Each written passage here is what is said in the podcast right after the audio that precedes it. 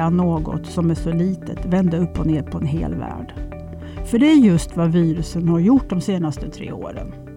Så i dagens podd från Vetenskap och hälsa kommer vi att prata om virus. Och nyligen så släppte vi vårt nya tidningsnummer på temat När världen blir viral, om virus och pandemier. Och vi vill bjuda er på några godbitar ur den här tidningen. Så den här gången har vi därför inte någon inbjuden gäst, utan det är jag, Eva Bartonek, och min kollega Jenny Loftrup. Ja, hej hej, jag är också här.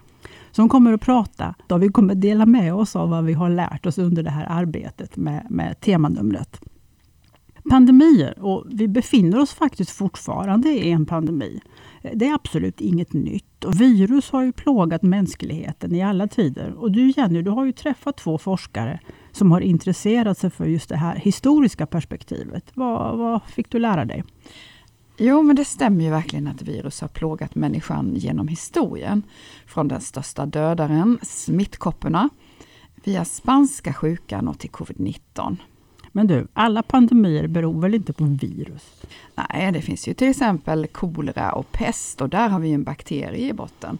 Där finns det ju ett klassiskt val. Vad skulle du välja av pest och kolera? Mm, jag tror jag lämnar pass på den. Du vill inte ha något? Nix. Men pesten har ju gått i vågor över världen, till exempel pesten i Aten på 400-talet före Kristus. Och nästan tusen år senare Justinianska pesten. Och så har vi digerdöden som vi har sett så mycket skräckinjagande scener av i filmer. Och än idag så förekommer det utbrott av pest i vissa länder och för den delen också kolera. Men pandemi, det betyder väl hela folket på grekiska. Men hur är det egentligen? Med, med, måste sjukdomen vara spridd över alla kontinenter för att det ska räknas som pandemi? Ja, det är klurigt det där. En del menar att det ska spridit sig till alla världsdelar för att räknas som en pandemi. Och en del räknar med att, att det räcker med att det har spritt sig till två eller kanske tre världsdelar. Jag har intervjuat Anders Videll vid Lunds universitet och han har forskat mycket om virus och pandemier. Och han menar att före Columbus tid så fanns det inga pandemier i dagens bemärkelse. För sjukdomar spred sig inte över Atlanten till Amerika. Däremot så färdades ju smittsamma sjukdomar långa sträckor ut med sidenvägen från Europa till Kina. Aha, så det innebär att digerdöden på 1300-talet, det var ingen pandemi? Nej, det var ju inte det, även om man räknar med att en tredjedel av Europas befolkning gick under i digerdöden.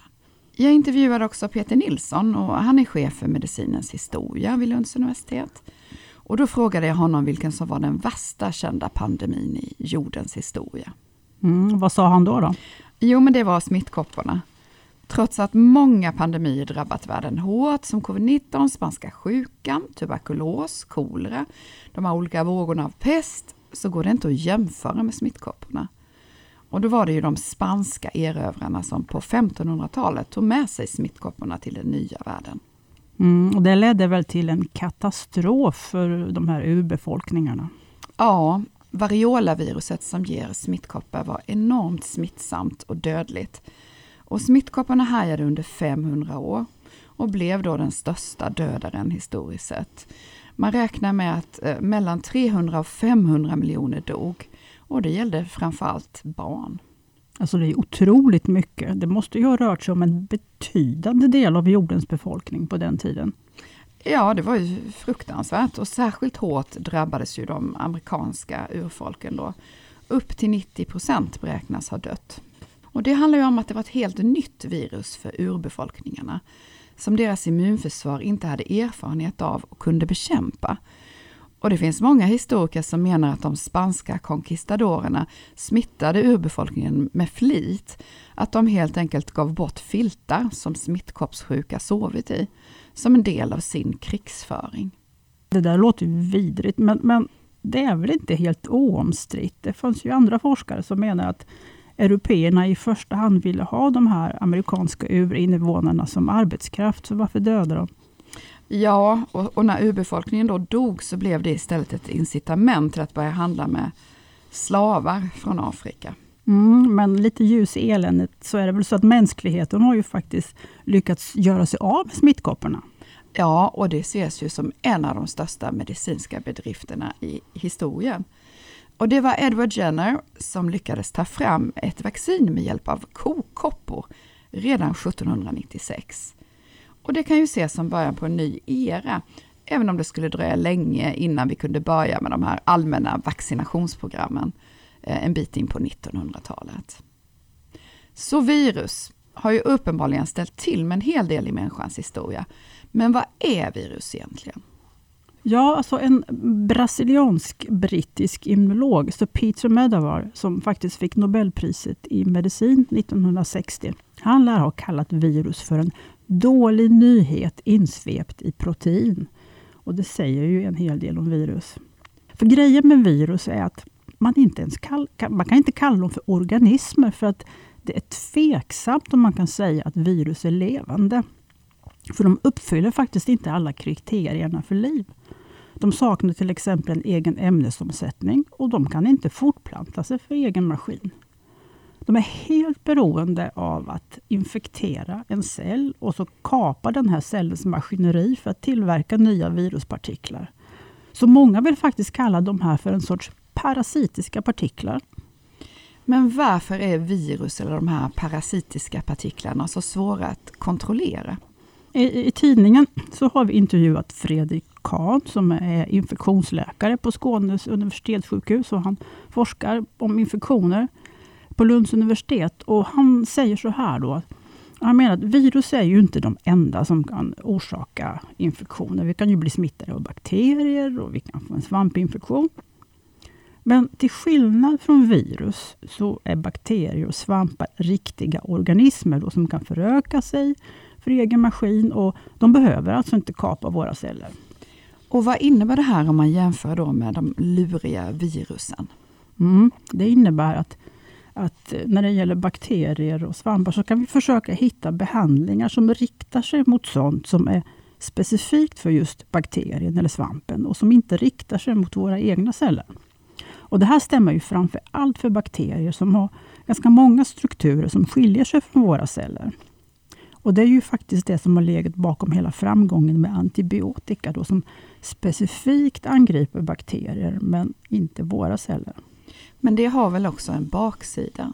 Ja, absolut. För att det här har ju bidragit till en enorm överanvändning av antibiotika. Och Det har då i sin tur lett till det här stora problemet som vi ser nu med att allt fler bakterier blir resistenta och mot antibiotika och där antibiotikan inte längre har någon effekt. Så det är ett enormt problem och skulle faktiskt förtjäna en egen podd. Men om vi nu ska hålla oss till virus så har vi det här stora problemet med att de då utnyttjar våra egna celler för att föröka sig. Då blir det ju svårt att inte också skada vår egen kropp när vi försöker angripa virusen. Okej, okay, så antibiotika funkar inte alls och har aldrig gjort det på virus. Men finns det något som biter på virus? Ja, Fredrik Kahn han berättar att det tyvärr inte finns någon motsvarighet till antibiotika. Alltså ett antiviralt medel som slår brett mot flera olika grupper av virus. Det finns mediciner mot några specifika virussjukdomar som till exempel hiv eller hepatit C och kanske några till, men det är inte många och det finns som sagt inte något som slår brett, för det hade ju varit drömmen annars att få fram ett sånt här bredspektrum antiviralt medel. Ja, hoppas de kommer på en förkortning för det. Om de hittar ett bredspektrum antiviralt medel. Men det förstår man ju. En annan utmaning med virus är väl att de är så specialiserade. Alltså, ja, de är ju oftast artspecifika, alltså sprider sig bäst inom en viss art. Och, och, De kan till och med vara så specifika att de angriper bara en viss sorts celler, alltså till exempel leverceller eller bara luftvägsceller. Och Det kan man förklara med hur de gör när de infekterar celler. För på virusets yta så finns det strukturer som de använder sig av som nycklar och De celler då som har så att säga lås med nyckelhål där de här nycklarna passar in, de kan bli infekterade, men inga andra. Så det försvårar ju också om man vill ta fram ett universalmedel mot virus. Men hur är det då med vaccin? Kan inte det vara lösningen mot virus? Alltså vaccin, det har man ju känt till i över 200 år. Jo, alltså vaccin är ju en bra lösning där det går att ta fram ett vaccin. Och Det finns ju många lyckade exempel, till exempel alla vaccin som ingår i våra barnvaccinationsprogram eller mm, det faktum att vi lyckades utrota smittkopporna som vi redan har nämnt. Så vaccin har ju räddat miljontals människor, inte minst barn. Men i de allra flesta fall så tar det lång tid att få fram ett vaccin och tid har man oftast inte vid en pandemi. Men alltså vaccin mot covid-19, där lyckades man ju ta fram det i rekordfart. Mm, det stämmer. Och att det gick så extremt snabbt med covid-vaccinet, det beror dels på en stor portion tur, men också att hela världen samarbetade för en gångs skull mot ett, ett och samma mål och att man också skyndade på de här annars så långdragna tillståndsprocesserna. Men för att göra det ännu mer komplicerat att tackla virus så måste vi också ta hänsyn till mutationer. För virus har ju den här egenheten att de muterar snabbt, väldigt snabbt, en del av dem. Och Då kan det hända att innan man har hunnit ta fram ett vaccin som då riktar sig mot en specifik del av viruset så har det hunnit ändra sig för mycket. Ta till exempel hiv. Hiv började ju spridas över världen på 1980-talet och idag finns bra bromsmediciner men man har än så länge inte lyckats få fram ett vaccin och det är just på grund av att det här viruset muterar så otroligt snabbt. Ja, jag tänker på influensaviruset. Det muterar väl också snabbt? Ja, det stämmer. Och, och vaccin mot säsongsinfluensa det måste vi ta om inför varje vinter eftersom viruset hinner ändra sig så mycket på ett år när det liksom vandrar jorden runt. Och SARS-CoV-2 det muterar ju också. Du nämnde det här med nyckel och låsprincipen, att virusen måste ha rätt nycklar för att ta sig in i våra celler.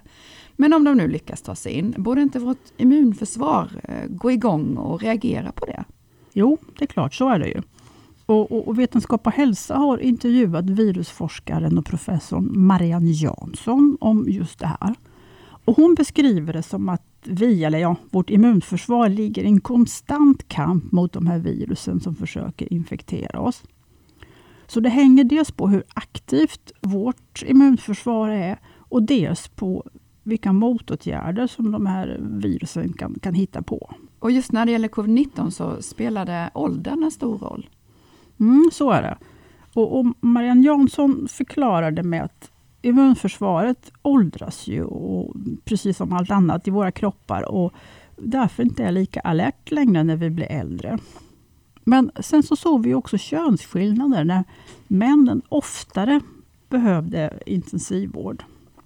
Så kvinnor verkar ha ett mer alert immunförsvar men å andra sidan så kan ett aktivt immunförsvar blir lite för aktivt. Och vi vet ju att kvinnor i större utsträckning råkar ut för autoimmuna sjukdomar, alltså sådana där kroppen angriper egna strukturer.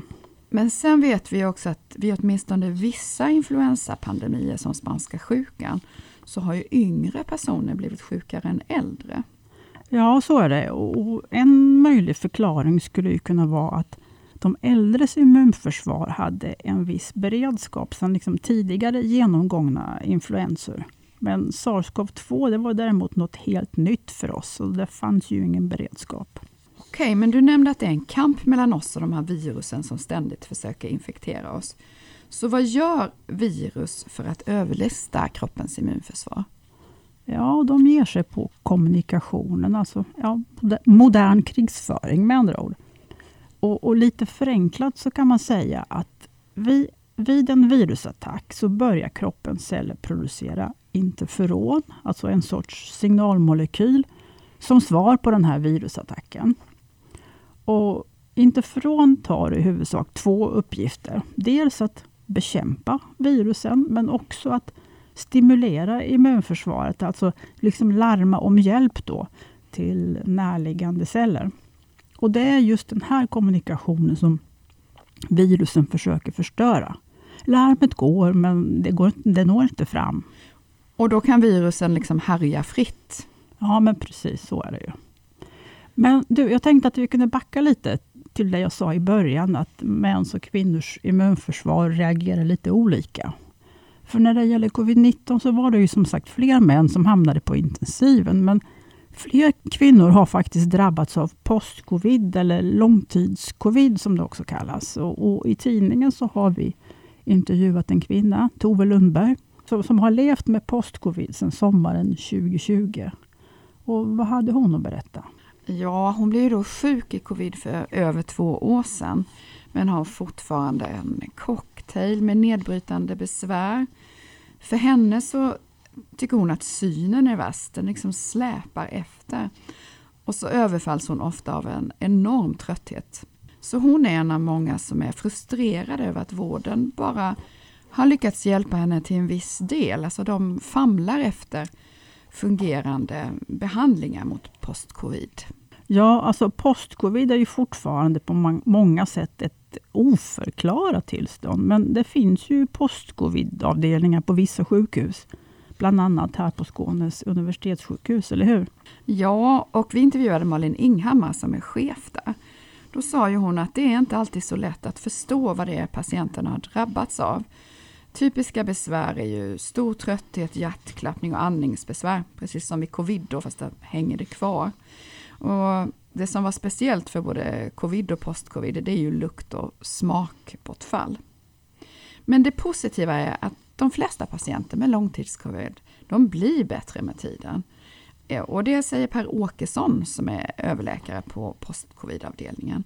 Så trenden verkar ändå vara att 90-95% mår bättre. Men det går i dagsläget inte att säga något om hur lång tid det tar.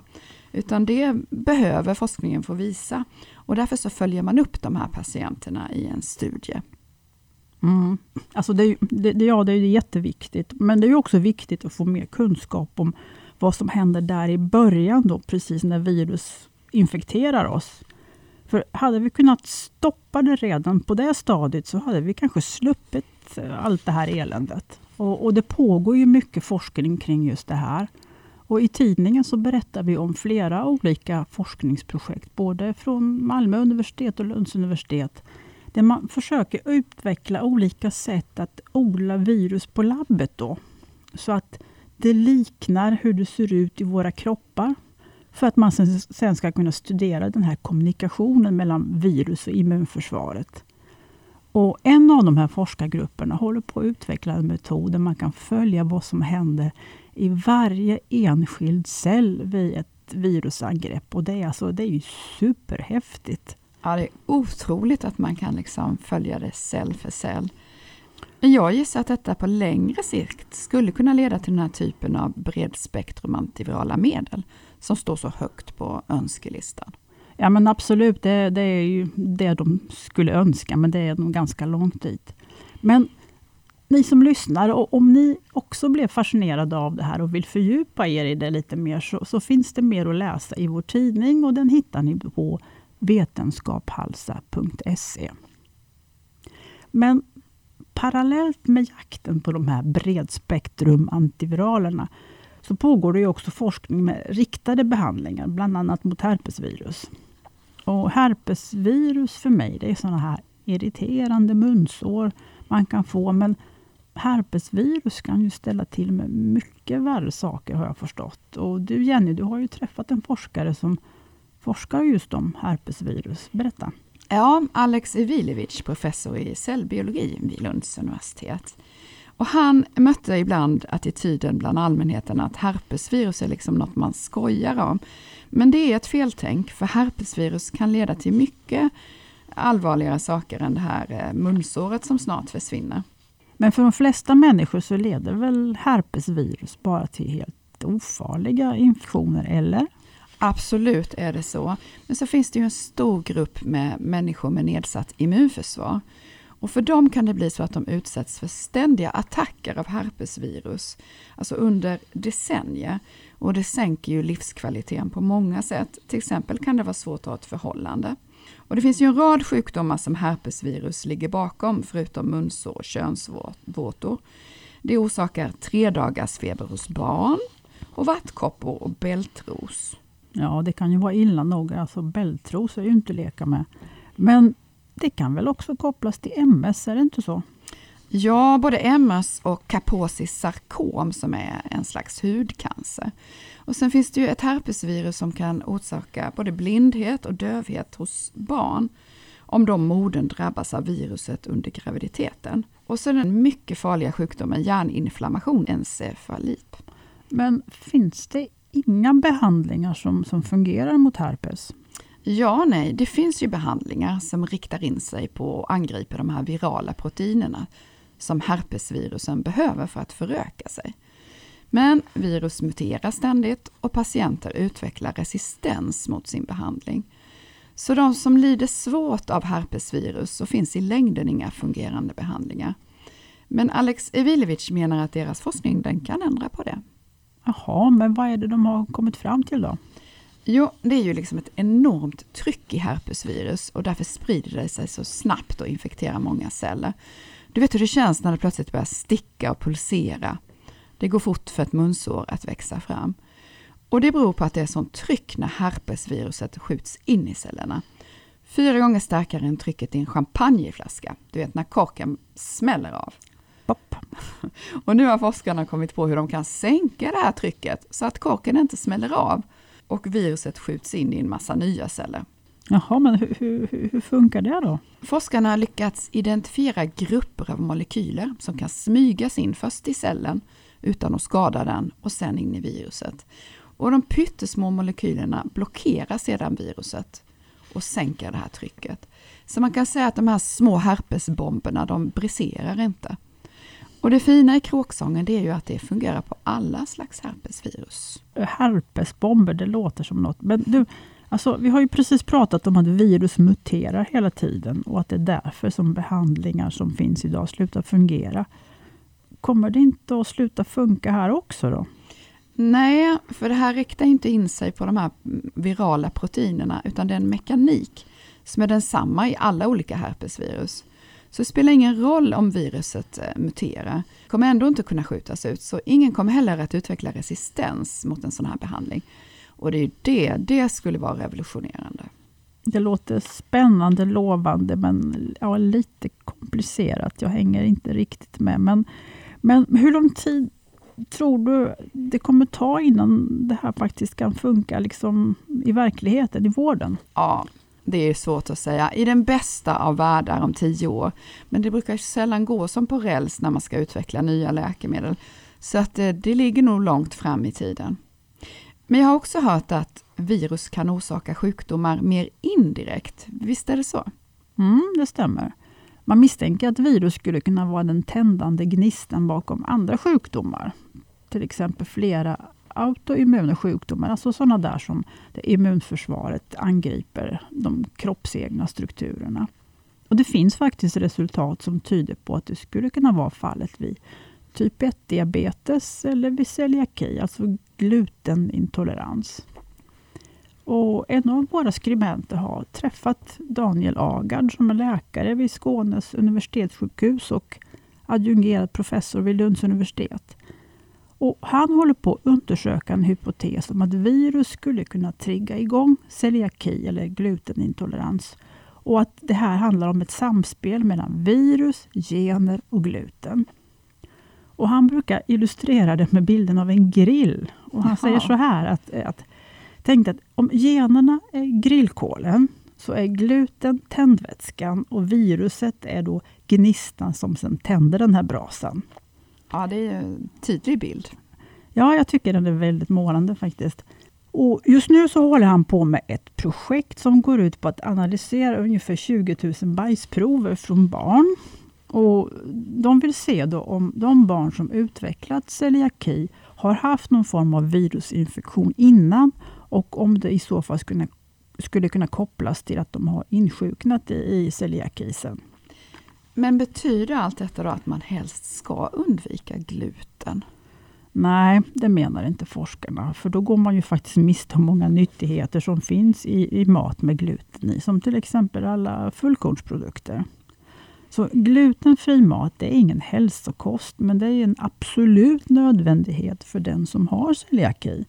Att undvika gluten är faktiskt den enda behandlingen som hjälper.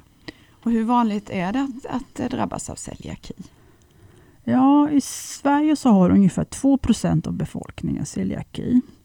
Och det är en sjukdom som drabbar tunntarmen i form av en inflammation som visar sig då i form av olika mag-tarmbesvär. Diarréer är väldigt vanliga.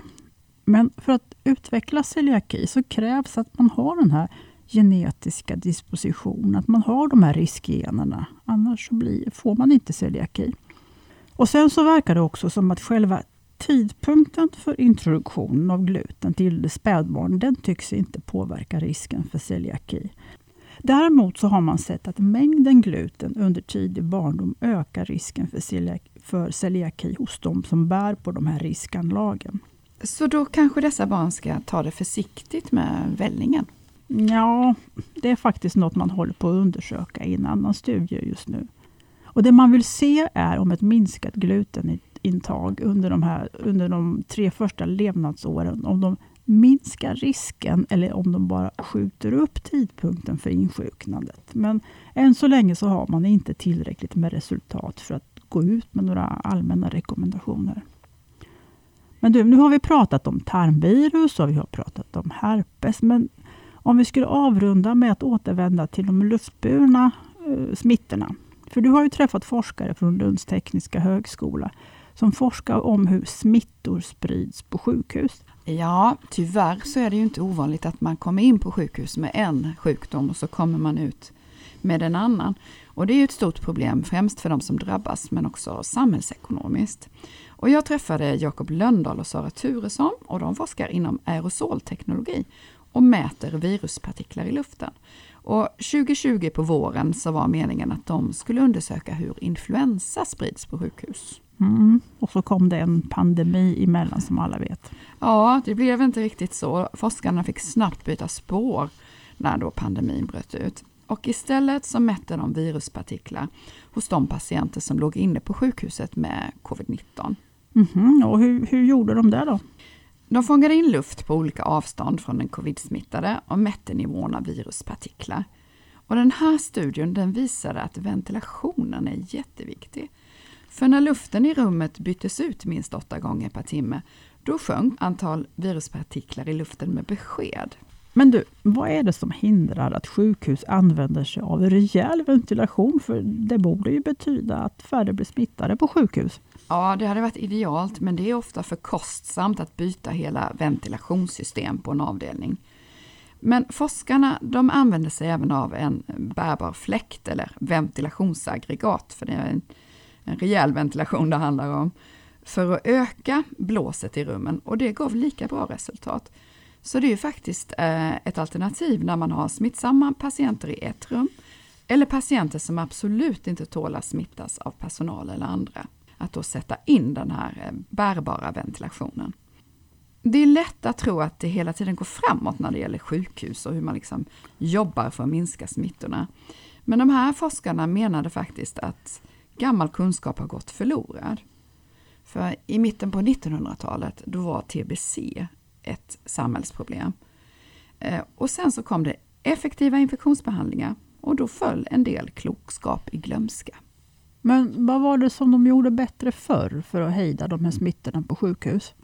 Till exempel satt patienterna mycket utomhus. Och där, det är väl den allra bästa ventilationen. Det är ju faktiskt många av dagens spa som är ombyggda sanatorier. Så du kan se framför dig hur patienterna låg och vilade under tjocka täcken på vintern då, utomhus. Men man tänkte också på patient och personalflöden. Så att man inte skulle träffa för många olika människor under en vecka eller en månad. Ja, jag fattar. Men, men sen kom ju antibiotikan och så då antar jag att man började strunta i allt det här allt mer. För man tänkte man kunde lösa det med antibiotikan. Ja, man kan väl säga att man slängde ut barnet med badvattnet. Ja, och det är ju inte så lyckat. Men du, jag tror det här får bli sista ordet i, i den här podden. Och ni som lyssnar, har ni blivit sugna på att lära er mer om virus? Så har vi då precis kommit ut med en hel tematidning om detta. Och den 8-9 november så hölls forskningens dag på samma tema där flera av de forskare som vi har nämnt i podden och flera andra har berättat om sin forskning på ett populärt sätt. Och allt det här finns inspelat och det kan ses i efterhand.